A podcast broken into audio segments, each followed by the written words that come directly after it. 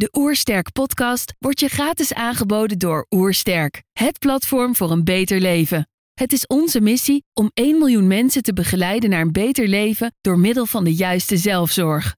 Wil je weten hoe jij kunt werken aan een beter leven? Ga dan naar www.oersterk.nu slash gezondheidscheck voor onze gratis gezondheidscheck en krijg direct jouw uitslag met persoonlijk advies. Ik ben Bertjan van der Mieden en je luistert naar de Oersterk podcast.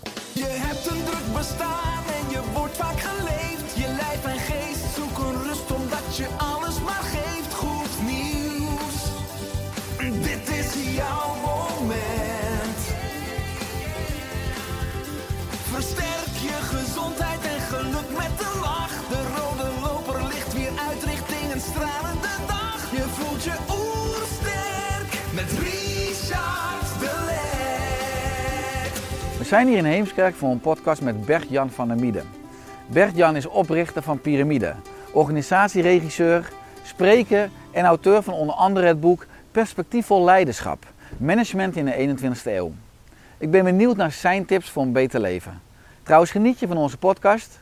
Abonneer je dan en laat een reactie of review achter. Zo help je ons om het gezondheidsvirus te verspreiden. Let's start. De Oersterk Podcast. Een ontdekkingstocht naar een beter leven. Bert-Jan, welkom. Ja, dankjewel. Op je website. uitnodiging. Ja. Ja, met liefde. Eh, Op je website lees ik. Volgens Van der Miede is schijngedrag de grote boosdoener die relaties en samenwerking flink kan verzuren. Eh, hoe kunnen we schijngedrag en schijnlagen transformeren of anderen daarbij ondersteunen? Dat is jouw vraag. Ja. Want dat las je niet op een site, maar je las dat eerste gedeelte op een site, begrijp ik? Ja, klopt. Dus, ja, ja. klopt. Ehm, hoe kun je het schijngedrag corrigeren? Dat is jouw Ja, vraag? eigenlijk transformeren. Transformeren. Het eh, schijngedrag en de schijnlagen. Ehm, goeie vraag. Dan moet je eigenlijk eerst weten wie je zelf bent. Wie je als volmaakte persoonlijkheid bent. Ik onderscheid dan het, zelf met een hoofdletter. Dat is dan die ware persoonlijkheid. Je wezen zou je het ook kunnen noemen. Het is maar welke levensbeschouwing je hebt. Eh, van, de, van de schijnpersoonlijkheid. En die schijnpersoonlijkheid die bestaat dan uit je lichaam, het lichaamsik. Maar ook verschillende schijnikken. En als je weet wie je zelf bent, wie je zou willen zijn, je ideale persoonlijkheid, dan kun je ook daaruit afleiden. eh, ja, wat is nou het gedrag wat ik hier tentoonstel eh, vanuit mijn minderwaardigheidsgedachten, minderwaardigheidsgevoelens en eventueel de compensaties daarvan. Mhm. Dus het is in feite een stukje zelfreflectie en kijken van ja, waar besta ik uit, wie ben ik en, en welke persoonlijkheidsaspecten heb ik. En hoe komt het nou dat ik me zo gedraag of dat ik zo reageer op mijn omgeving of de omgeving op mij. Dus het is, afpellen en, en analyseren en, en herkennen en erkennen dat we onze volmaakte persoonlijkheid hebben, maar dat we ook, zoals we hier op deze aardkloot rondlopen, ja, eigenlijk niemand echt volmaakt is. Hè? We hebben allemaal onze beperkingen. Mhm. Een mooie tegenstelling. Je noemt het woord afpellen. Hè, want ik eh, lees over jou eh, dat je mensen zover krijgt dat ze een harnas afleggen. Ja. Eh, wat is de functie van het harnas dat veel mensen hebben en hoe is deze ontstaan? De functie is meerledig eigenlijk. Het kan zijn dat je je bewust afschermt en dat het ook functioneel is. Stel, je hebt net een, moment gehad, een situatie gehad, of daar zit je middenin waarin je je heel verdrietig voelt en je moet professioneel opereren. Dan is het handig om je harnas aan te houden en te zeggen, nou die gevoelens die laat ik even bij me en die laat ik niet aan de ander zien. Dat is functioneel, dan is het effectief en efficiënt. Maar je kunt ook een harnas aantrekken hè, van eh, ja, ik wil niet dat ik kenbaar word. Eh, onze jongste zoon, die, eh, die zei ooit eens tegen mij, stelde hij de vraag van nou, hoe is het met je? En dan maakte hij als grap erachteraan van doe je masker nou eens af. Hè, die had ook ergens wat gehoord of gelezen of gedaan. Nou, en dat vond ik eigenlijk briljant gevonden, want ja, we hebben eigenlijk allemaal ook een, een, een soort masker dan op. En ja, we, lopen eigenlijk in ons dagelijks leven en in ons werk ook veel met die maskers op. Dat we niet alles laten zien. En soms is het goed dat je dat niet laat zien, maar soms is het ook eh, ineffectief. Dan, dan verberg je je gevoelens, je gedachten. En dan krijg je dus miscommunicatie tussen mensen. Tussen partners, ouders, kinderen, collega's. Ja, ja want eh, je bent oprichter van de piramide-aanpak. Wat is deze aanpak precies? Ehm, ja, piramide is mijn bureau. En van daaruit heb ik dus de piramide aanpak ontwikkeld. Eigenlijk is het, het doel eh, om bewust te worden, bewust te zijn en bewust te doen. Dat is in feite de missie die ik heb met piramide. En ik werk altijd vanuit de trits dat mensen vanuit hun angst en onzekerheid eh, en minderwaardigheidsgedachten en, en, en, en, vanuit hun schijnpersoonlijkheid niet tot vertrouwen komen. Dus eh, de bedoeling is dat je van die onzekerheid naar vertrouwen komt. En vertrouwen heeft dan drie componenten. Het is zelfvertrouwen, vertrouwen in elkaar, in de ander, en vertrouwen in het leven en vertrouwen in de toekomst. Dus dan heb je eigenlijk al vier componenten. Dat is de eerste stap. De tweede stap is van vertrouwen naar verbondenheid. Dus dat komt tot samenwerking met de ander en tot de relatie tot de ander. En de derde stap is op basis van stap 1 en 2 dat je komt tot vitaliteit. Het gebeurt wel hè, dat een directeur mij vertelt van ja, we zijn, uh, dat is letterlijk zo geweest. Hè, die zijn naar, met de hele club naar de Ardennen gegaan voor teamontwikkeling. Nou ja, ik weet het wel, is boomstammetjes uh, leggen en dan bruggetjes bouwen en al die dingen meer. En hij zei tegen mij van ja, het heeft smakken geld gekost. En we hebben er best wel wat aan gehad, maar we vertrouwen elkaar nog voor geen bliksem. Dus als je die eerste stap van onzekerheid naar vertrouwen, als er geen vertrouwen is, dan heeft teamontwikkeling nou weinig zin. Soms helemaal geen zin. Dus je moet altijd die stappen doen. En hoe kom je nou tot die stappen? Door te luisteren naar jezelf. Ik werk heel veel met tritsen, met drie stappen. Luisteren naar jezelf, luisteren naar de ander en luisteren naar het andere. Nou, en luisteren, dat is levenslang leren. Dus daar ben je eigenlijk continu mee bezig, maar het is wel te leren. Mhm. Maar dan moet je het wel continu oefenen. Dus de piramide aanpak die, uh, die bestaat dus uit die tritsen. Dat je die stappen maakt en dat je vervolgens op elke laag ook resultaten boekt. En dan, uh, ja, en dan van, vanuit die resultaten kun je naar de volgende stap. Mhm. Ja, want op de website van Pyramide lees ik. Ja. Want buiten winnen begint binnen. Ja. als je het hebt ook over luisteren, wat, wat is ook een goede eerste stap om ook uh, meer vertrouwen, om meer verbondenheid, om ook meer vitaliteit te krijgen? Nou, dan is echt de eerste stap uh, uh, misschien wel de stilte. Hè. Ik begin mijn boek begin ik ook met een paar bladzijden blanco. De, de kracht van de stilte, de stem van de stilte. Dus eerst een stukje reflectie naar jezelf. Neem nou even afstand. Hou nou even rust. We zeggen ook vaak, nou tel nou eerst tot tien voordat je iets zegt. Nou, ik zeg wel eens van nou tegen sommige mensen, je kunt beter eerst tot 20 tellen of tot 30 hè, voordat je iets zegt. Dat hangt een beetje van het karakter en het temperament van die persoon af. Maar ga nou eerst eens bij jezelf na van, ja, wie ben ik eigenlijk? Wat wil ik eigenlijk? Wat doe ik eigenlijk? Waarom doe ik de dingen? Dus de waarom-vraag heel duidelijk stellen. Nou, en dan eh, op basis van dat luisteren en dan niet alleen maar eh, denken, maar ook voelen het is altijd een, ook een drie, drietrapsraket weer. Hè, van uh, je hoofd, je verstand gebruiken, je hart uh, volgen. Ja, en dan handen en voeten. Hè. Je mhm. moet het ook uiteindelijk uitvoeren en er iets mee doen. Nou, en dan komt dus heel sterk het, luisteren naar jezelf eerst en dan het luisteren naar de anderen. Van wat bedoelde die ander nou eigenlijk? Of wat bedoelt hij nou eigenlijk? Mhm. Wat wil die nou? En dat is ook weer luisteren achter de woorden en achter de lichaamstaal en et cetera. En wat vind je dan veelal aan universele behoeftes als je echt naar de ander luistert? Uh, nou, ja, ik denk dat de meest centrale universele behoefte is liefde, waarheid, vertrouwen. En ik, ja, ik heb dan acht universele eigenschappen in, mijn, in mijn boek staan. En dat, dat begint dan met kracht, liefde, schoonheid, vertrouwen, vreugde, waarheid, wijsheid en zuiverheid. En dat zijn ook inderdaad acht waarden die je, denk ik, universeel ook wel terug kunt vinden bij mensen. En het tegendeel, daar hebben ze last van. Dus ik zeg ook altijd van als mensen ergens onder lijden, dan zeg ik van ja, dat kan alleen maar omdat je de plus kent. Het is, het is ook de plus en de min onderzoeken. En we hebben alleen maar last van liefdeloosheid als wij van binnen eh, weten wat liefde is. We hebben alleen maar last van wantrouwen als wij van binnen weten wat vertrouwen is.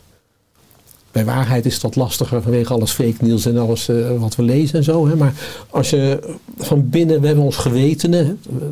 We hebben echt wel een idee van intuïtief van wat klopt en wat zuiver is en wat niet. Ja, en vervolgens kun je van daaruit dus ook last hebben van die onzuiverheid. Of dan voel je aan je water dat iemand eh, ja, niet authentiek is of niet integer is. Mhm. Ja, want je schreef recent ook eh, een mooi artikel op je website, het scheppingsverhaal hè, in de 21ste eeuw. Ja, Eh, en in dat artikel lees ik ook weer hè, over de schijnbasis en een begoocheling. Over het verdringen van de binnenkant, hè, een aantal sleutelwoorden die me dan opvallen. En over dus ook de zes niveaus die we als mens hebben. Hè. Het fysieke, Ja. het mentale, het emotionele, het sociale, het relationele en het spirituele. Ja. Eh, hoe kunnen we ook als, eh, als mens in de 21ste eeuw eh, wat kunnen doen aan die begoocheling?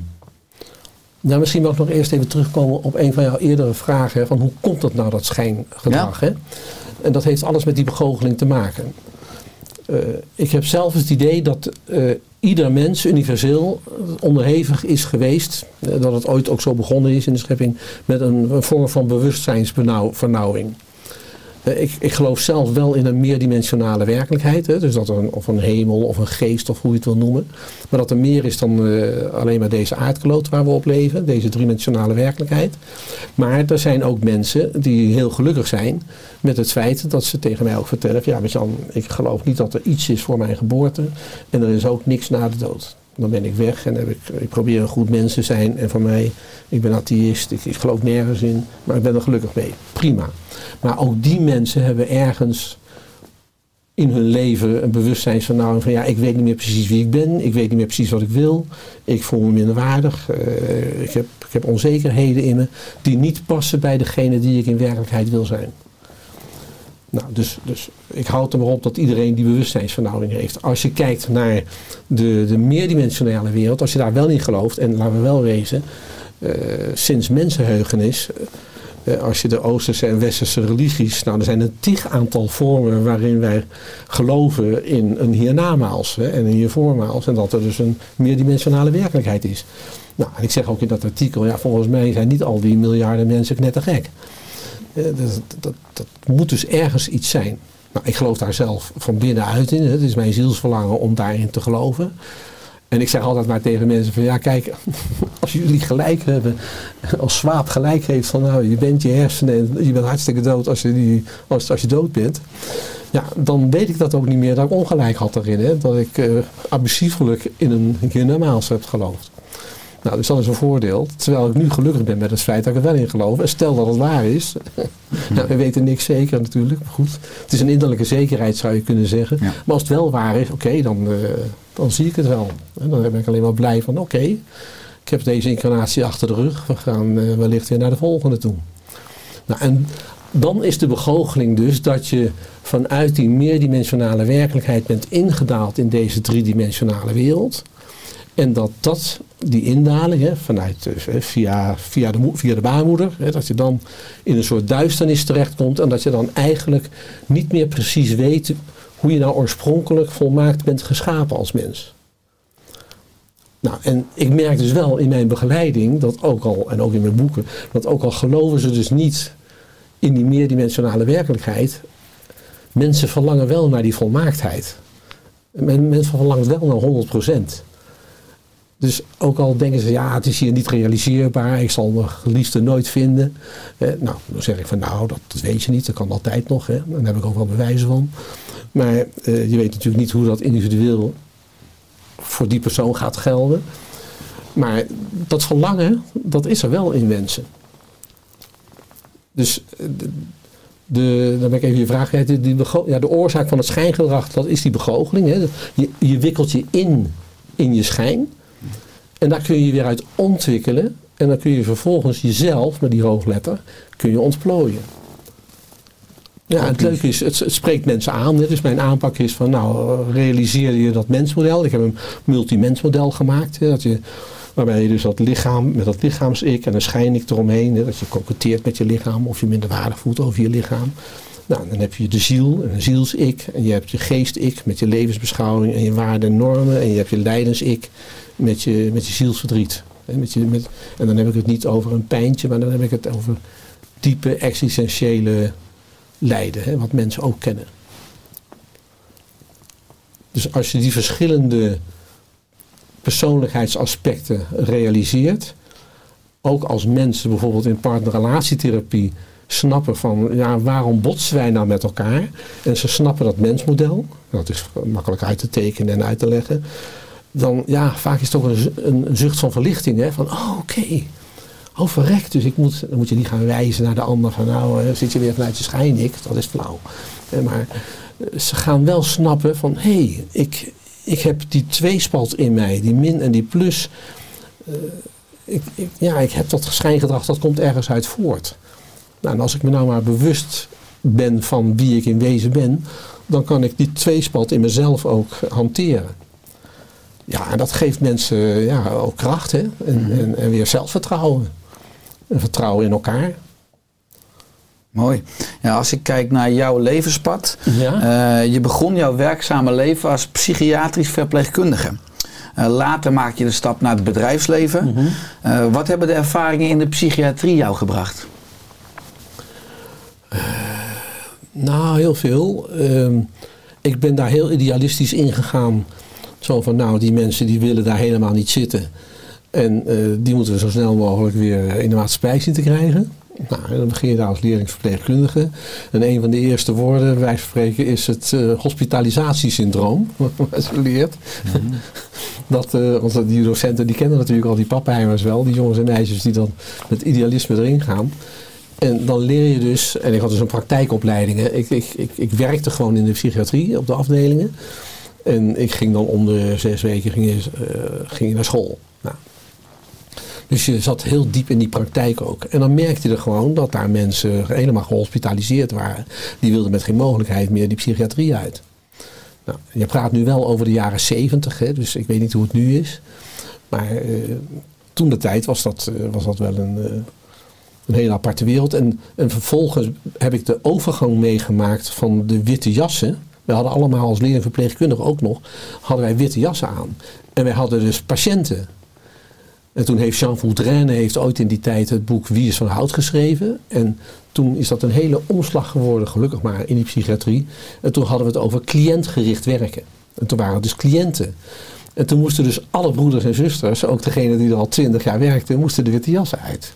En die vonden dat dus verschrikkelijk, want ja, hoe kan je dan nog zien wie de patiënt is? en wie niet, hè? Nou, dus dat was heel boeiend om mee te maken.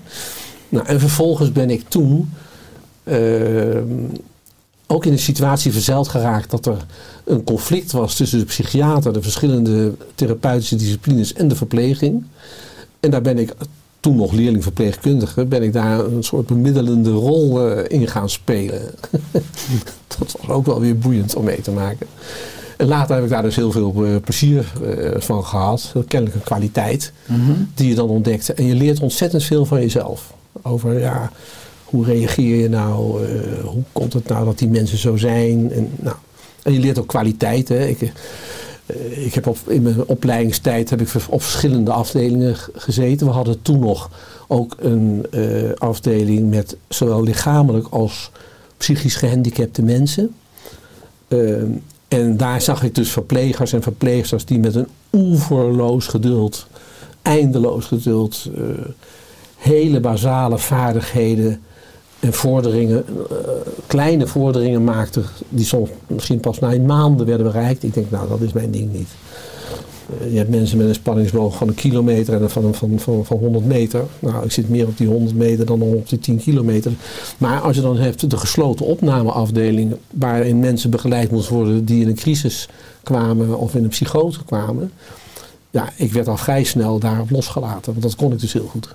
Dus dat is, dan merk je dus, oké, ik ben dus kennelijk iemand die in dat soort situaties adequaat weet te handelen en de mensen weet te begeleiden.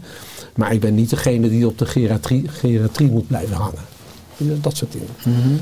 Dus je, je komt je eigen minnen en plussen en kwaliteiten kom je daarin wel tegen. Mhm. Als je het wilt tenminste. Ja. Ja, zowel denk ik in de psychiatrie als ook in je boeken gaat het heel erg over veiligheid en vertrouwen.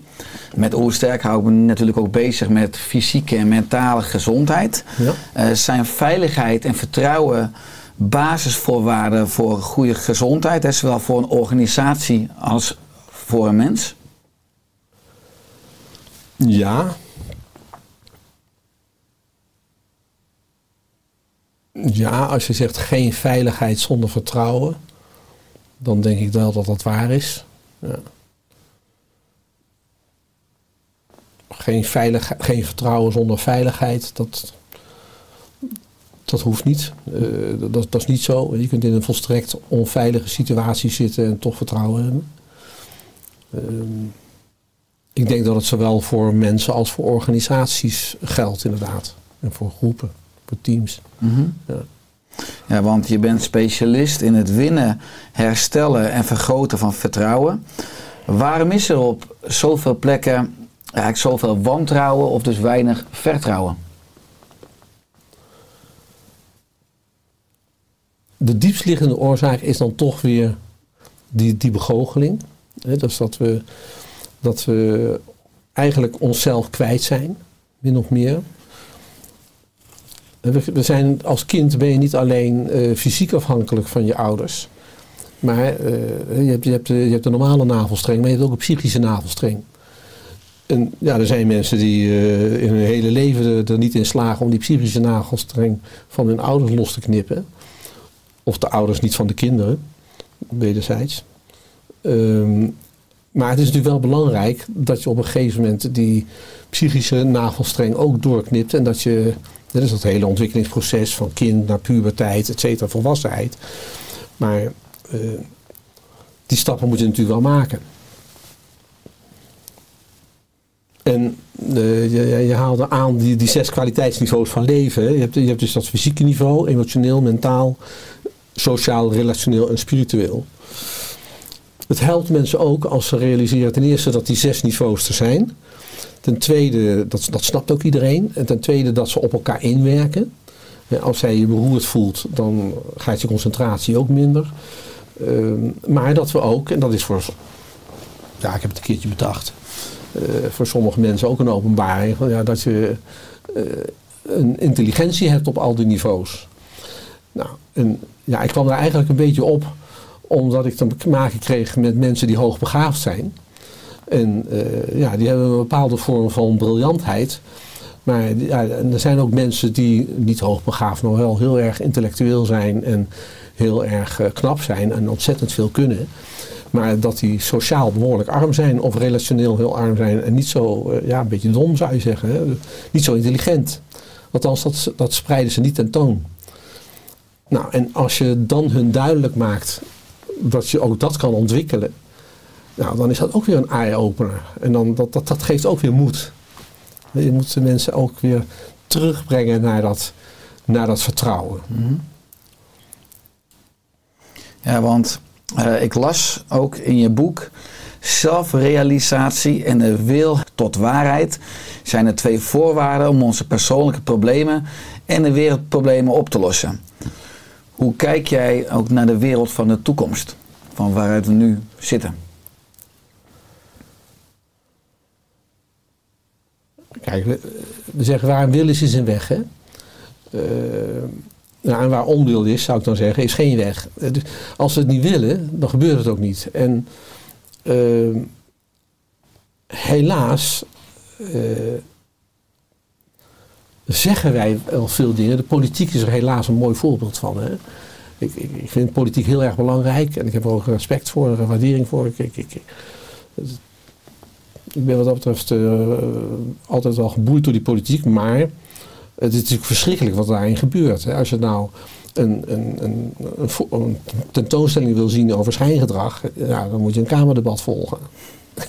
Nou, en dan zijn we helaas, zijn we daar de afgelopen jaren ook veelvuldig op ge- getrakteerd. Nou, en dan zie je dus allerlei schijnbewegingen maken. En ook in organisaties, hè, tussen mensen onderling. We, we zeggen A en we doen B. Ik heb zelf managementfuncties gehad. En ik had veel liever iemand die eh, nee zei tegen mij en vervolgens ja deed. Ja, ik heb keer ook zo'n groepshoofd gehad. Die riep bij elke vergadering. Nee, en voor jou ga ik het niet doen. Hartstikke boos. Nou, waardeloze manager. Nou, en vervolgens deed hij precies wat nodig was. Het is erger als iemand eh, ja zegt en het vervolgens niet doet. En allerlei tricky eh, schijnbewegingen gaat zitten maken. Nou, en dat gebeurt op, op, op, eh, op, op, op het hoogste niveau gebeurt dat in organisaties. Dus dat schijngedrag, dat tiert welig. Dus je moet... ehm, eh, we hebben het over leiderschap en dat ze zich kwetsbaar moeten opstellen. Nou, soms is het helemaal niet. Dan kom je op dat gehaanaste gedrag uit. Eh, je hebt een prima leider die eh, de hele dag zijn harnas aan heeft. Maar als hij op de juiste momenten zijn vizier omhoog doet. En echt wezenlijk contact maakt. Dan lopen die mensen zonder dat ze, hij of zij iets hoeft te vragen. vliegen voor hem hè, of voor haar. Maar als jij eh, A zegt of iets belooft. Of bijvoorbeeld ook weer zo'n klassieker hè, van mijn deur staat altijd open. Nou, en die medewerkers die voelen aan hun water dat die deur potdicht zit. En ook al zit hij in de kantoortuin. Nou, dan werkt het dus helemaal niet. En dus die waarheidswil, de wil tot de waarheid is, is wel noodzakelijk. Want anders redden we het niet. Nou, en dat geldt naar de toekomst toe natuurlijk helemaal. Je, hebt het individuele niveau, het, het, het team- en organisatieniveau, maar je hebt ook het lokale, regionale en nationale en mondiale niveau. En als je nou kijkt naar het hele corona gebeuren en naar de oorlogen die er zijn, hè, nu de oorlog Rusland-Oekraïne. ja, daar zit, daar, zit ook een hele hoop hypocrisie bij, ook, ook vanuit het Westen. Als, eh, wat, wat Poetin doet is verschrikkelijk, eh, maar er zijn ook, als je het nieuws een beetje van alle kanten probeert te volgen, dan hoor je ook wel signalen dat eh, de NATO niet erg handig, het Westen niet erg handig omgegaan is met de signalen die Poetin heeft afgegeven. En dat er ook afspraken zijn gemaakt die niet worden nagekomen, kennelijk. Eh, Dus er zit ook ergens een, een fout bij, bij het Westen. Het is allemaal niet zo zwart-wit. Nou, dat heeft dus altijd te maken met geld, met macht, met ego. En, eh, wat ik dan schijnig noem. En dat zie je dus ook helaas bij wereldleiders. En bij politici, en bij, bij, bij eh, commissarissen, eh, bij bestuurders, eh, directeuren. Terwijl het heel fi- fijn zou zijn, zeker bij de machtshebbers of de mensen met leiding, dat die veel persoonlijke ontwikkeling hebben gedaan en veel minder last hebben van hun schijn-ik, van hun ego. Dat die echt heel zuiver kunnen dienen. Ja, eh, maar goed, dat is dus nou al 30 jaar mijn stokpaardje. Geen leiderschap zonder persoonlijk leiderschap. Want het, het, het gaat dus mis bij die schijnpersoonlijkheid, bij dat, bij dat schijn-ik. En bij, bij gebrek aan zelfkennis. En dan vind ik wel eh, dat, dat leidinggevende en, en ouders en volwassenen, die hebben, we hebben wel een voorbeeld. Je hebt een voorbeeldfunctie. Ja, en goed veel voorbeeld doet goed volgen. Maar ja, slecht voorbeeld ook, hè. Je moet niet verwachten dat als jij zelf eh, niet zuiver op de graad bent, dat jouw medewerkers eh, niet een keertje wat oneigenlijks doen. Nou, en dat zie je dus ook gebeuren. Ja. Dat, eh, ja, als je zelf niet, niet eerlijk bent, verwacht dan niet dat je kinderen eerlijk zijn. Nee. Ook weer zo binnen, zo buiten. Ja, ook weer zo binnen, zo buiten. Ja, want ehm, je bent oprichter en voorzitter van de stichting Globaliseringscentrum. En deze stichting heeft het multimens-model ontwikkeld. hè, Je noemde het net. Een speciale tool die deelnemers onder meer leert hoe ze dus acht menselijke eigenschappen kunnen aanwenden om maximaal resultaat te behalen in hun eigen levens. Hoe zou de maatschappij of organisaties of mensen beter worden als we dat multimens-model veel breder en holistischer gaan integreren? Ja, als ik je even mag corrigeren, hè, want die, die Stichting Globaliseringscentrum, die heb ik dus inderdaad zelf opgericht. En dat multimens-model, dat komt dus ook van mij af, maar dat komt dus niet van die stichting af. Hè. Dat heeft voor de duidelijkheid. Maar het zit allemaal in dat piramidepakket. Ja. Want ik heb ooit na mijn, na mijn eerste boek, hè, mijn eerste boek De Mens in de 21ste eeuw, daar leg ik dus dat mensmodel uit. En vervolgens kwam ik tegen globaliseringsvraagstukken aan. En toen dacht ik, ook weer in dat kader van bewust worden, bewust zijn, bewust doen. Ja, weet je, het is leuk dat je het nou geschreven hebt, maar nou moet je het ook gaan uitvoeren. Dus toen heb ik in 2005 die Stichting Globaliseringscentrum opgericht. En die houdt zich dus bezig met de realisatie van mensenrechten en kinderrechten. En daarin kom je ook weer die, eh, die acht eigenschappen van, van die kracht, liefde, eh, eh, vertrouwen, schoonheid, et cetera, wat ik die noemde, kom je tegen. En als je de, de. En ik heb ook die mensen en die kinderrechten, die heb ik in acht thema's ondergebracht. Dat, dat begint met eh, gelijkwaardigheid en respect, keuzevrijheid, veiligheid, eh, ontwikkeling en ontplooiing, welzijn en welvaart, verantwoordelijkheid. Nou, ik sla er geloof ik eentje over. Ehm, maar die, die thema's, die pas ik ook gewoon, die, die, die gelden ook in organisaties. Elke organisatie heeft te maken met privacy, met ontwikkeling en ontplooiing, met welvaart en welzijn, met verantwoordelijkheid, met gelijkwaardigheid, met respect. Met veiligheid, die had ik nog niet genoemd, Mhm. waar we het net over hadden. Mhm. Nou, en dat, dat heb ik dus, eh, ik, ik heb dat in mijn boeken gezet, maar ik heb dus ook regiekaarten ontwikkeld, pakketje. En ja, dat is het leuke. Ik liet eerst alles opschrijven. Hè. Dan moesten die cliënten van mij, die, eh, die schreven dan mooi die acht eigenschappen op. En dan nou, wat is je huidige situatie, gewenste situatie? En welke stappen ga je nou ondernemen om daartoe te komen? Nou, maar vervolgens, als je dan regiekaarten hebt, ja, dan kun je daarmee laten spelen, individueel, maar ook in teamverband. Nou, in teamverband kun je je voorstellen dat als eh, Martijn eh, aan Klaas opeens de kaart wijsheid geeft, dan Klaas zegt van, hoezo, vind je mij wijs? Nou, weet je, nou, dat, dat, dat zijn dus leuke dingen, want andere mensen weten vaak niet alleen over je minkanten, maar ook over je pluskanten. Je gewoon heel goed eh, dingen aan te reiken die je zelf niet zo goed door hebt. Ik weet niet of ik nou jouw vraag helemaal beantwoord Nou ja, als je, nou, ik had het over, dus over de maatschappij en organisatie en eigenlijk over mensen. Maar is er dan een gemiste kans dat we deze essentiële niveaus eh, en universele behoeftes eh, ook niet in het basisonderwijs aanbieden? Dat we al in de rijping van kinderen, van mensen al deze belangrijke thema's al aanstippen? Dat het ook al in je, in je mens zijn al... Nou, dat, dat zet ik dan eigenlijk in mijn eerste boek al. Eh, kijk, als we op de basisschool. Het is hartstikke essentieel dat we goed leren rekenen, lezen, schrijven, et cetera. Prima. En dat er nou wat eh, discussie is over het niveau op de basisscholen, dat kan ik me ook alles bij voorstellen. Nou, dat is ook prima. Maar het, is, het gaat natuurlijk ook om de persoonlijke ontwikkeling van een kind. En, en niet alleen maar om CITO-toetsen en wat je allemaal hier kan. Eh, nou, en, daar zijn ze volgens mij eh, in Finland en zo, in Noordwest-Europa zijn ze daar heel beter in dan, dan in Nederland. Maar hier heb je die bewegingen ook. Hè. Je leest het voortdurend ook op LinkedIn. Dus dat is allemaal prima.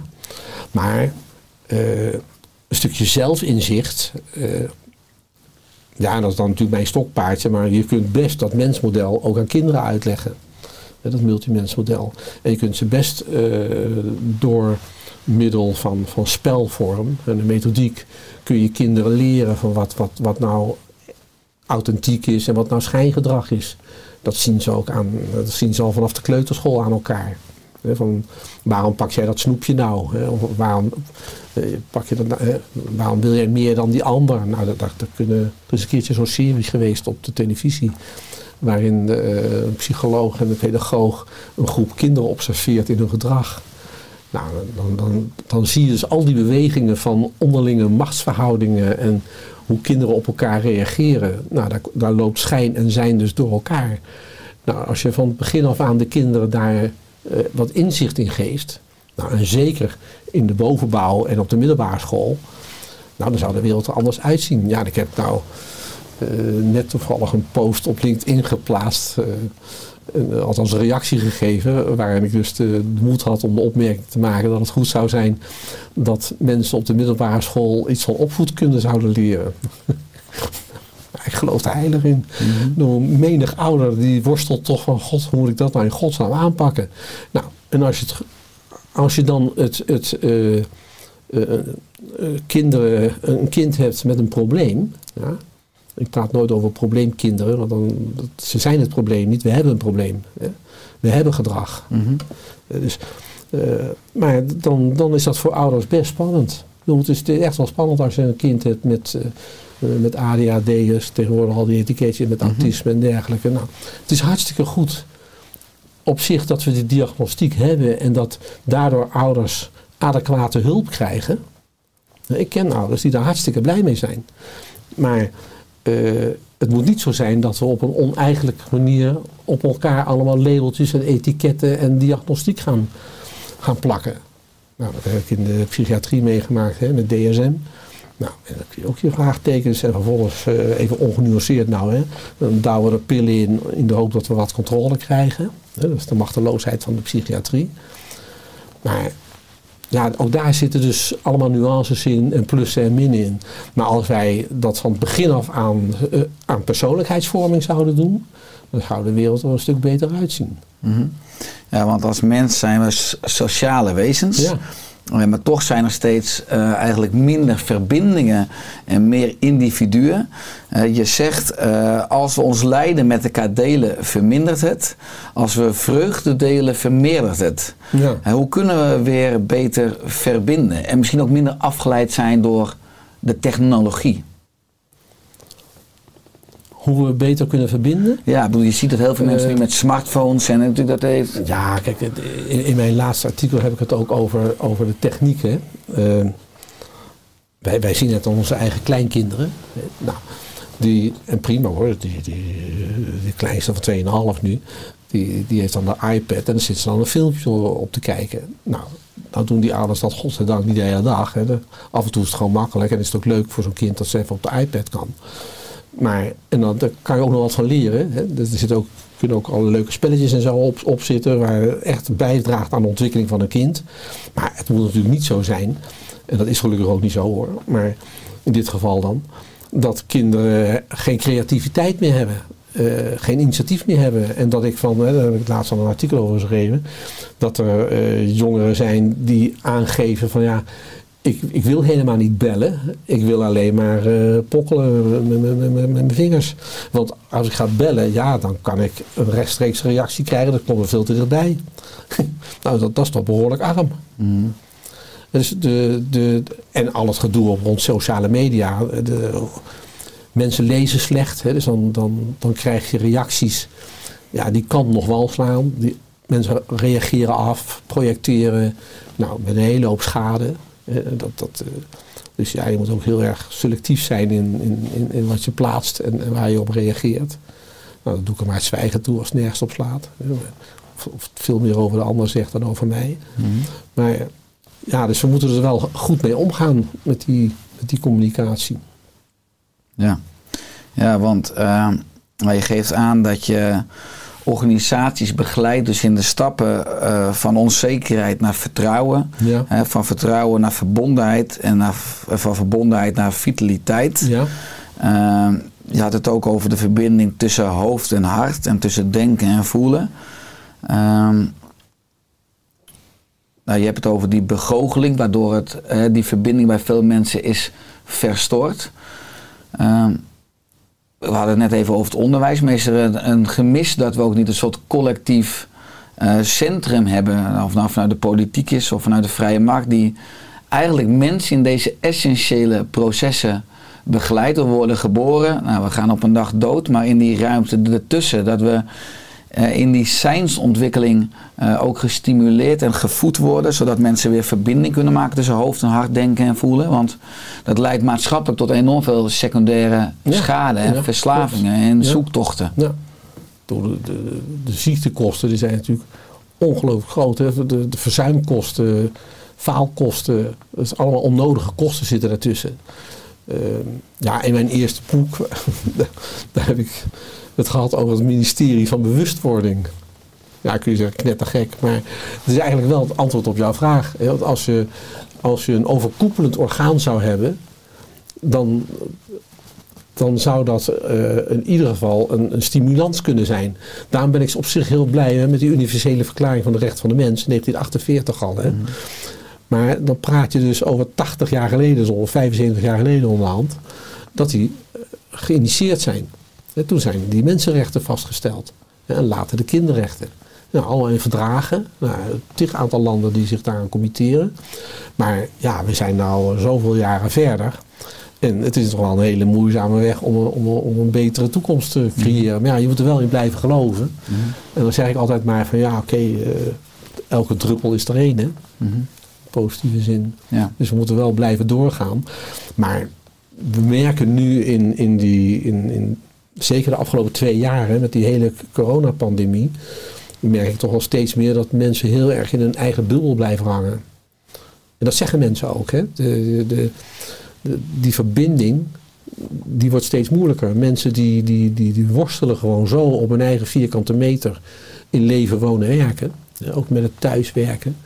Kijk, en als jij in een, in een goede wijk woont, in een, in een huis met voldoende kamers, en je kunt lekker thuis werken, dan is dat prima. Maar als jij op een paar vierkante meter met zes mensen zit, ja, en de ene doet dit en de andere doet dat, en dat loopt allemaal door elkaar heen, en je moet dan nog eens een keertje werken ook.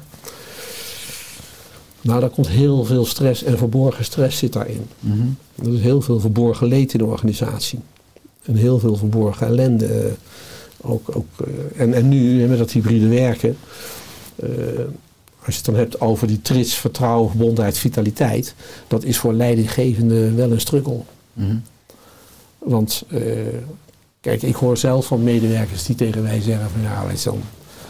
eh, en dat hoor ik ook van managers. Eh, als ze thuis werken, kijk, ze hebben twee schermen. Als jij je in een vergadering verveelt en je zit bij elkaar in zo'n zo'n ding, dan merk je dat aan elkaar. En dan kan je als manager nog eens een keertje Jantje of Marietje erbij betrekken van joh, eh, nou. Maar als het, als het thuiswerken is, ja, die manager weet echt, eh, die kan het aan zijn water voelen dat Jantje naar het andere scherm zit te kijken en Canasta zit te spelen, of weet ik veel wat. Eh, maar andere dingen zit te doen en zich niet met eh, af en toe iets in die vergadering zit te roepen. Nou, het is veel moeilijker controleerbaar. Mhm. Ja, dat is wel een uitdaging. Mhm. Ja, want ja, de maatschappij hecht ook veel waarde aan het denken. Ja, Eh, ik ben zelf ook door de wetenschap opgeleid. ja. Eh, buiten onze werkelijkheid is er natuurlijk nog veel meer wat onze zintuigen niet kunnen waarnemen. Eh, jij zegt, verken niet alleen het onbekende, maar onderzoek ook eens het onzichtbare, het oneindige en het onbespreekbare. ja. Wat brengt dit onderzoek ons? Nou, dat is natuurlijk wel heel individueel bepaald. Maar ehm, ja, ik, ik, ik vind het wel mooi als. als, als eh, kijk, als, als mensen die verkenningstocht gaan maken, dat ze dan tot de ontdekking komen dat, dat, dat het hun blik verruimt. En dat ze er zelf van binnen rijker van, door worden. Eh, dus. eh, Kijk, als, als mensen, die, die meerdimensionale wereld, hè, we geloven ook, ik begin op een gegeven moment in mijn boek ook over engelen. En eh, daar, daar geloven we dus, ik ben daar een beetje onderzoek naar gaan doen, door een aantal boeken ook over te lezen. Eh, en dan blijkt dus al dat de mensheid al 6000 jaar eh, het over engelen heeft. En dus hebben we ooit eens een keertje archeologisch iets gevonden eh, wat met engelen te maken had. Nou, prachtig. Dus, en ook die mensen zijn niet allemaal knettergek. Hè. Er zijn mensen die engelen zien, eh, die ermee communiceren. Nou, kan ik zelf niet, maar eh, ja, hooguit intuïtief dat ik eh, op basis van mijn zielsverlangen daar contacten mee probeer te leggen. Maar er zijn dus mensen die het gewoon, die, die het gewoon zien. Die zien natuurgeesten, die zien kabouters, die zien van alles en nog wat. Nou, en Sulamit Wulfing, een beroemde Duitse schilderes, eh, beeldhouwer, die heeft dat eh, ook in beeld gebracht allemaal. Maar die kon ze ook zien. Ik heb er één keer mogen ontmoeten. En ja, die sprak toen wel over een vergangene weld. Dat vond ik ook wel weer bijzonder. Want eh, ja, het was een beetje twijfelachtig of ze nou geloofde in datgene wat ze gewoon zag. Dat is ook- en voor iemand die dat dus niet ziet, maar het wel voelt. Want als je, toen je, eh, ze woonden daar ergens in Augsburg geloof ik zo, of Woepertaal was het. Nou, toen stonden wij dus voor, eh, ik was samen met iemand anders daar. En toen stonden wij dus bij de voordeur en dan konden we in haar tuin kijken. Nou, en toen zei ik ook tegen degene met wie ik eh, daar was. Ik zei van nou, als, als hier geen natuurgeesten zijn, dan weet ik het niet meer. Dan zijn ze nergens. Want je kunt het soms in een bos, in een bepaalde natuurlandschap, kun je het gewoon voelen. Nou, dan hoef je het niet te zien. Ja, misschien voelen die andere mensen weer niks, maar ik ervaar het dan wel weer ergens. En, en zij zag ze ook gewoon. De tuin zat er vol mee. Ja, die schilderde ze dan vervolgens. Of met, met, met borduursels en dergelijke. Maakten ze de meest prachtige dingen. Dus het verrijkt mensen wel als, als ze meer luisteren, meer openstaan voor. En dat, dat doe ik trouwens ook veel met muziek, met mijn piano-improvisaties. Dan, zijn het dus mijn zielenklanken. Ik weet niet wat ik ga spelen en ik kan het ook niet meer naspelen. Maar ik vertolk dus mijn zielenklanken, zielenroerselen. En dat komt dus aan bij de luisteraar. Ook al houdt ze niet van klassiek en niet van pianomuziek. Het komt wel binnen. En dat is in feite ook iets, ja, is iets spiritueels, hè, is iets energetisch. En dat kun je met je verstand niet verklaren. Maar dan heb je dus de meest beta mensen die helemaal in een beta-bubbel zitten. Die, die krijg je dan toch hoppakee naar binnen toe. Ja, meer van het hoofd naar het hart. Nou, hoofd naar het hart. En de buik. Want ik heb op YouTube eh, bekeken, hè, er staan veel opnames. Je speelt klassieke, dus piano-improvisaties. En Mhm. er zitten zalen vol die naar je komen luisteren. Eh, wat brengt dit jou om, om dat te kunnen doen? Ja, dat, het, het is elke keer weer een wonder. En het, eh, ehm, het, het stemt ook heel dankbaar als, als dat bij mensen binnenkomt. Dus, dus dat, dat doet mij wel heel veel. Ik heb één keer, eh, een paar keer het geluk gehad dat ik voor, eh, voor mensen met dementie heb mogen spelen. En toen had ik van tevoren afgesproken, toen dat werd gevraagd door dat tehuis, die had gespecialiseerd was in mensen met dementie. Ehm, Oké, op voorwaarde dat de begeleiding, maar ook muziektherapeuten erbij aanwezig zijn. Want ik wil weten, dat was de eerste keer dat ik het deed, eh, wat het effect is. En ik wil ook, maar goed, dat is dan mijn therapeutische achtergrond. Als ik speel en ik speel voor dat soort mensen, met men- mensen met deze, mm, nou, handicap kun je het noemen, hè, deze ziekte. Ehm, dan weet ik niet wat het effect daarop is nadien. Nou, dat snapten ze. Hè? Nou, en dus daar zaten ook begeleiders, begeleidsters en therapeuten in de zaal, muziektherapeuten.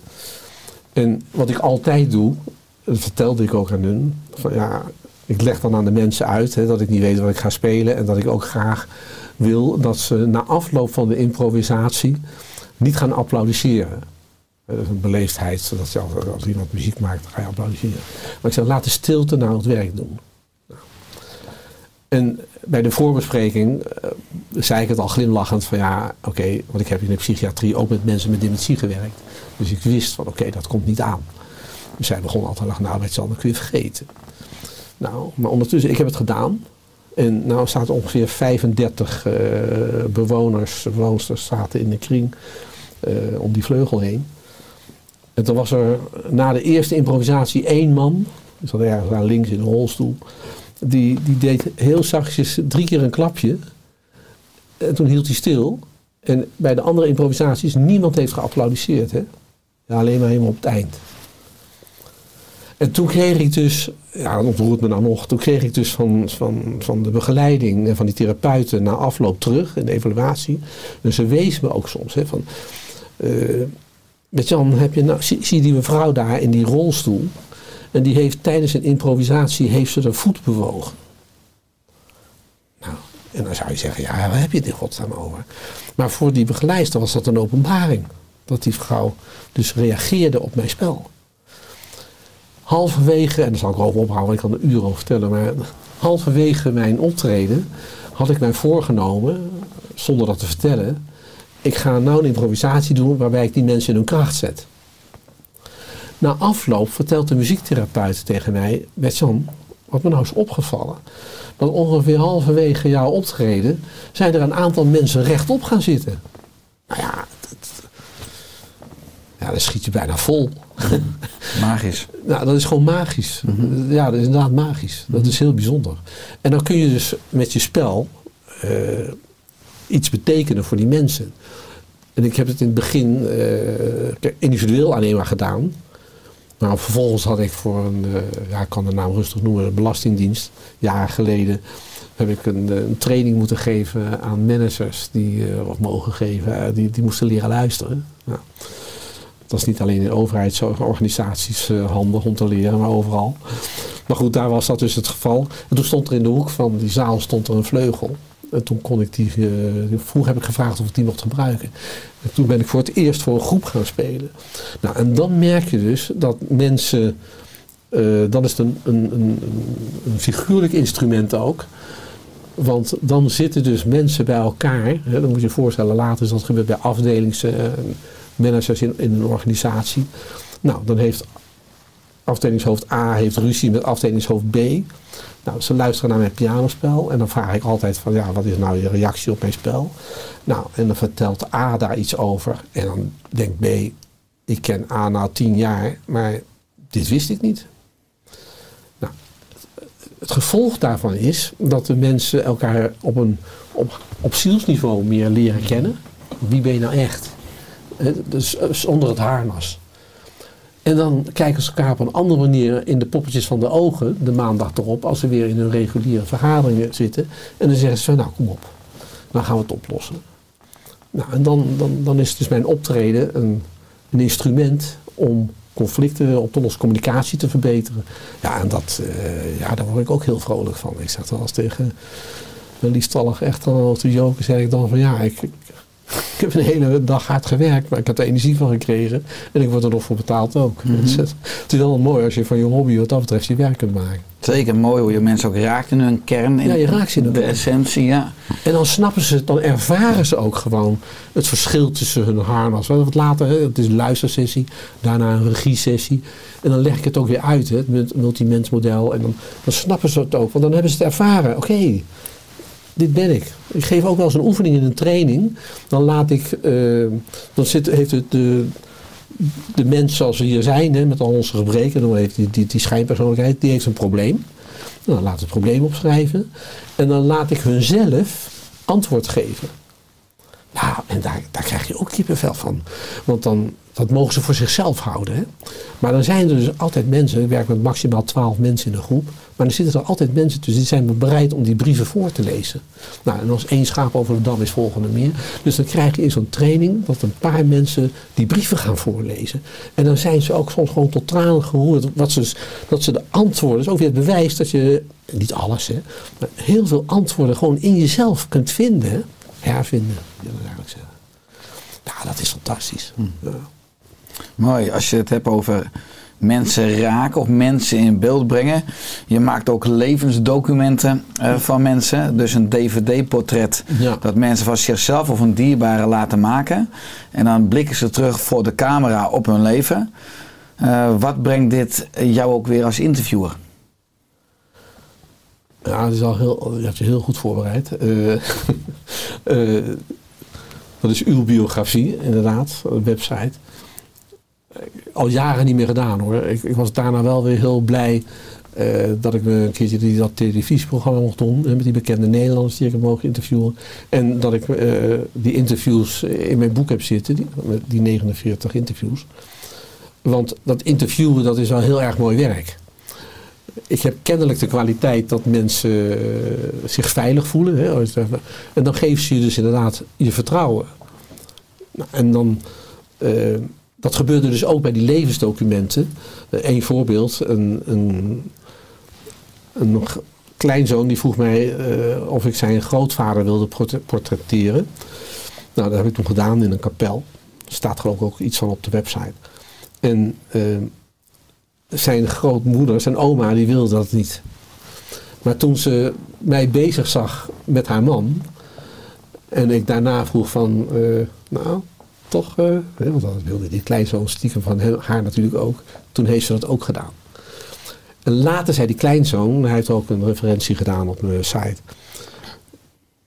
Dan ontdekt hij, hij heeft dus daardoor dingen ontdekt van zijn grootouders die zij als kinderen en kleinkinderen er nooit uit hadden gekregen.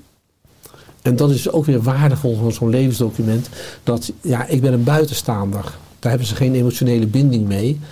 Dus dat is gewoon ook weer veilig. En ja, kennelijk weet ik dan vragen te stellen en, en dingen te laten vertellen. Waardoor die, ja, ze openen zich, waardoor er dingen uitkomen die voor de, het zij nabestaanden, het zij de omgeving, de dierbaren, ja, tot, tot grote verrassing zijn. Wat is het eh, in al die rollen eh, die je hebt in je leven, wat is het gekste dat je hebt meegemaakt en wat op jou de meeste indruk heeft gemaakt? Ik vind het mooi als, als, als mensen eh, ja, weer zichzelf hervinden. En, en toch een uitweg zien. En dat ze ook merken van ja, eh, het kan heel confronterend zijn om met je eigen schijngedrag geconfronteerd te worden. En met je eigen zielenroerselen, en met je eigen lijden. en Dergelijke. Maar als je dat aangaat, dat dat een enorme eh, ontspanning geeft. En, en, en ook weer eh, ja, je, je heel veel omtrent jezelf leert. Als mensen gewoon het hele eenvoudige formuletje van je kunt alleen maar lijden onder liefdeloosheid als je van binnen de liefde weet en mensen ontdekken dan weer dat liefdevermogen in zi- zichzelf. Nou, dan is dat toch goud. Dat is onbetaalbaar. Mhm. Zeker, helemaal. Als, als, ja, ik vergeet ook nooit dat een. Misschien een wat. Daarom is het er wel, misschien wel een goed voorbeeld, omdat het niet zo vanzelfsprekend is. Een, een ambtenaar die eh, eigenlijk geen goede dingen van zichzelf kon opnoemen. Dat is natuurlijk niet voor niks bij mij. Eh, en toen hadden we het ook over die eigenschappen. En toen bleek dus eigenlijk dat er een enorm schoonheidsgevoel in het maken van zijn beleidsnota's zat. En zul je zeggen, wij denken bij schoonheid, denk je aan schilderkunst, aan, aan muziek, aan dans en dat soort dingen. Maar ook beleidsnota's kunnen gewoon heel droog zijn, juridisch, weet ik veel allemaal. Maar er kan dus een enorme schoonheid in zitten. Dat was voor iemand een openbaring.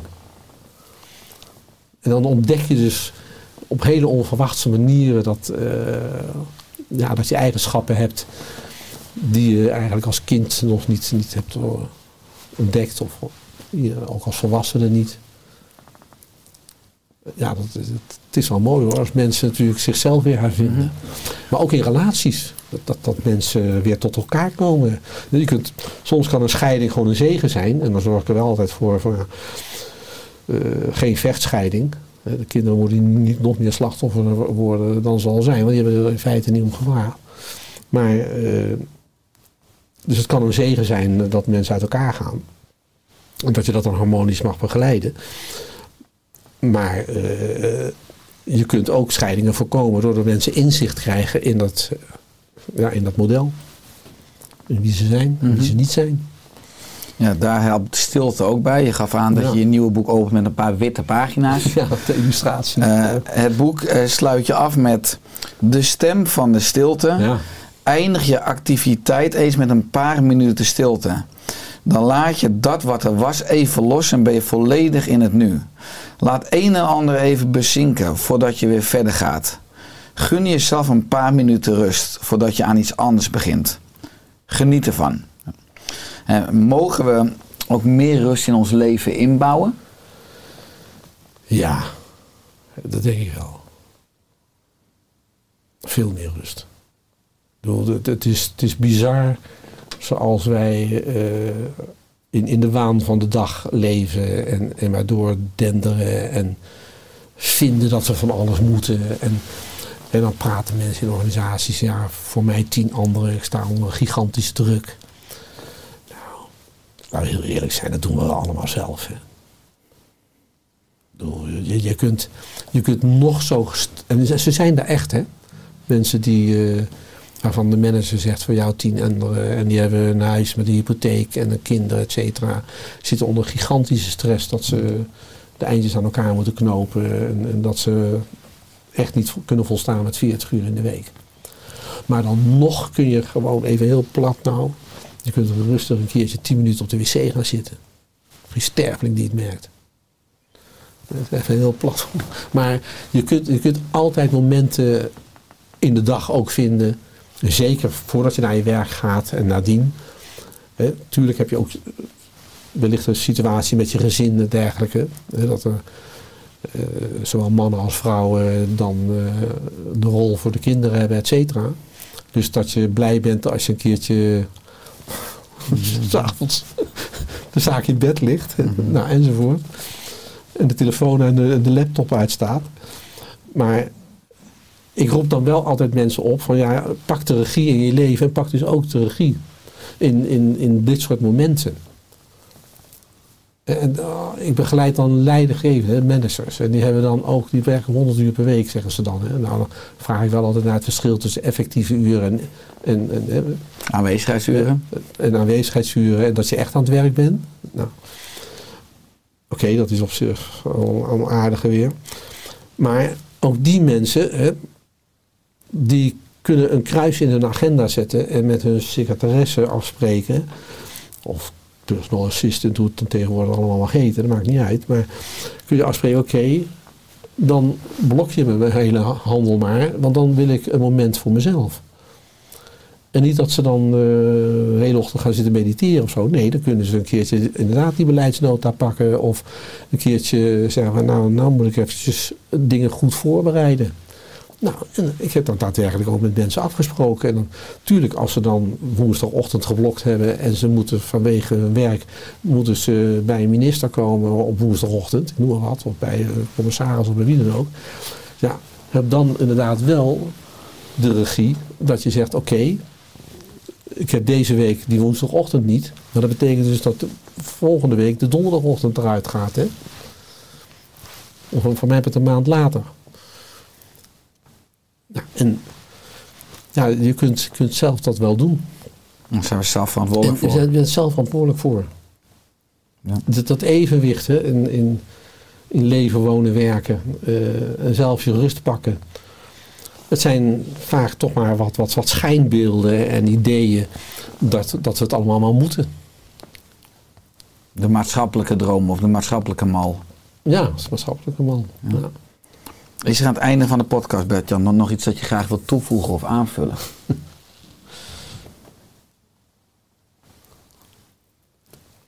nou, misschien is het aardig om, om, om nog één tip te geven. Hè. Je hebt... Uh, ik heb een artikel geschreven over, we hadden het even over het scheppingsverhaal van de 21ste eeuw. Hè. En daar gebruik ik het symbool van het kruis. De verticale as en de horizontale as. Ja. En uh, ik heb zelf ooit, dat beschrijf ik ook in mijn boek, al was ik ergens in de twintig, uh, vielen de woorden binnen van de vreugde van het kruis. Nou, snapte ik helemaal niks van. Want, het kruis, dat is het teken van het lijden. Nou, en om lang verhaal kort te maken, toen ben ik dus gekomen op de tegenstellingen, these, antithese, synthese. En ik kwam op een gegeven moment erachter dat de betekenis was van ja, door het ervaren van die tegenstellingen, daardoor kunnen wij bewust worden. En daardoor, als je bewust bent van liefde, liefdeloosheid, wantrouwen, vertrouwen, kom je dus tot bewust vertrouwen, tot bewuste liefde. Nou, dus dat is mooi, je komt tot, tot bewust geluk en bewust succes. Nou, dat is toch prachtig. Nou, dus dat is de zin eigenlijk van het bestaande. Toen dacht ik later van ja, hoe komen we nou van de min naar de plus? Nou, en wat wij dus eigenlijk wereldwijd, maatschappelijk, maar ook individueel doen, dan proberen wij die onderste lijn, die onderste verticale lijn in te korten, door dat lijden en al ons onbewuste plus en minder te verdringen. Dan heb je ook een plusteken hè, als je inkort. Maar dat, dat werkt dus niet. Verdringen helpt nooit eindig. Dat kan tijdelijk werken. Er komt een hoop ellende van relationeel. Als je dat blijft doen. Dus als we nou die lijn nou maar in stand houden. Dan moet je dus de linker horizontale lijn verlengen. Dat is het verleden. Je moet de rechter horizontale lijn verlengen. Dat is je toekomst. Dus niet van korte termijn alleen, maar ook naar de lange termijn scenario's.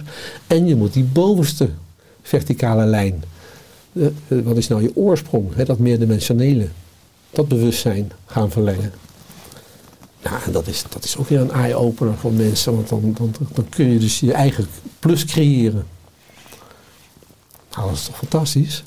Nou, als we dat nou individueel en collectief gaan doen, en als we dat, en dan, dat ja, het zou zelfs mooi zijn als, uh, voor mij was op de, met de school met de Bijbel, als ze nog bestaan, het christelijk onderwijs, bestaat natuurlijk nog, dat ze van dat kruisteken uh, hou die Bijbelse verhalen voor mij wat allemaal in stand. Er is niks mis mee allemaal. Maar leer de mensen dan ook om tot die plus te komen. Nou, en als uh, in de boardroom men wat meer in het verleden en in de toekomst en dingen zouden gaan verlengen. En in de politiek bijvoorbeeld. dan gaat de wereld er ook weer anders uitzien. Wordt de hele wereld weer een stapje beter. Ja. Ja. Ik weet niet of ik al jouw vragen goed beantwoord heb. Ik zal bij terugluisteren, zal ik wel tot ontdekking komen dat ik geen antwoord heb gegeven op jouw vraag. Nou, er zijn, die, er zijn geen foute antwoorden geloof Er zijn geen foute Mooi. antwoorden. nee. Als mensen meer willen weten over jou of over je dienst of over je boeken, waar kunnen mensen dan terecht? Ze kunnen het beste, dan het makkelijkste is gewoon naar mijn website te gaan, www.pyramide.nl. En dan piramide is P-Y-R-A-M-I-D-E.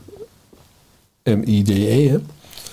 Ehm, ja, ik, ik kan, kan mijn mailadres noemen, bjpvandermiede.pyramide.nl. Dan kunnen ze me altijd goed bereiken.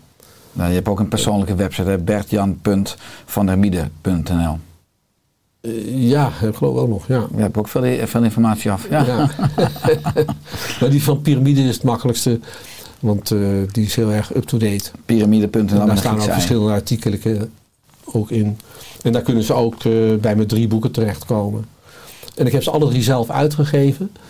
Dus eh, ze zijn bij mij te bestellen.